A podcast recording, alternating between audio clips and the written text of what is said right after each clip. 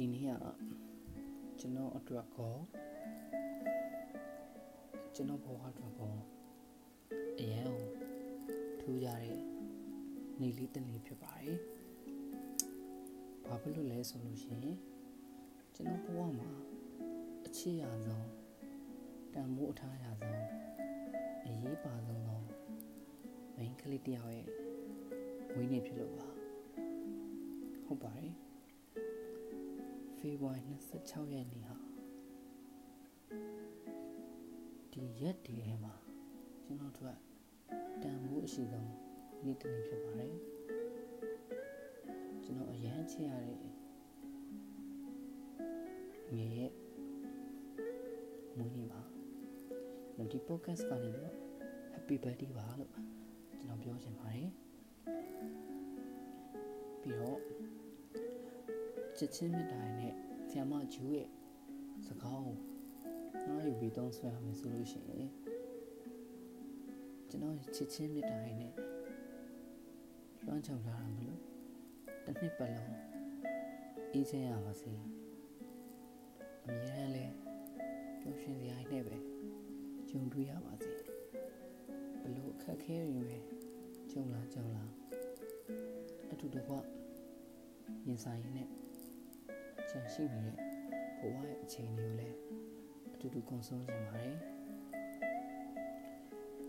ကျွန်တော်ဘာပဲဖြစ်ဖြစ်ငဲဆိုရက်ကောင်မလေးကို main ကလေးကို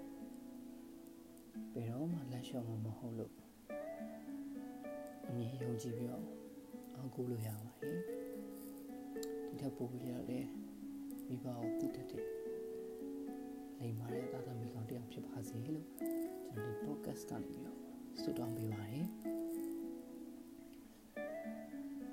ကျွန်တော်လည်းဒီထက်ပိုပြီးတော့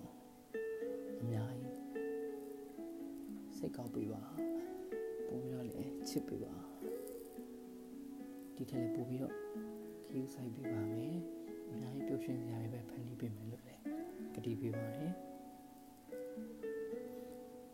အရန်ချစ်တယ်နော်အဲ့တော့အာဒီ podcast မှာတော့နော်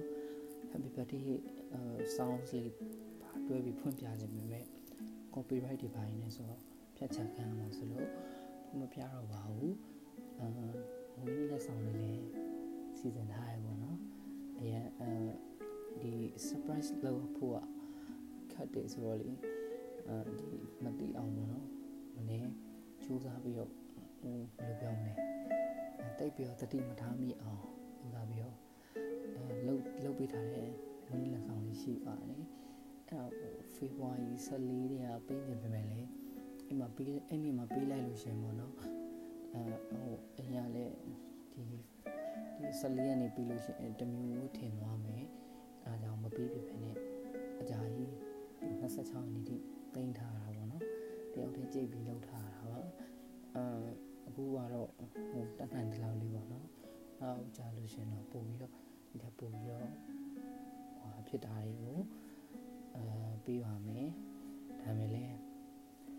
ဘဝမှာတန်မိုးကြီးဆုံးအရေးကြီးဆုံးအရာချစ်ချင်းမြတ်တာပဲမလားချစ်ချင်းမြတ်တာရဲ့အကုန်လုံးနေကအပန်းရနေပြီပဲကျန်တာတွေတော့အများကြီး ပျော်ရွှင်စရာမွေးနေ့လေးဖြစ်ပါစေလို့ဒီ podcast ကနေဆုတောင်းပေးပါတယ်အများကြီးချစ်တယ်နော်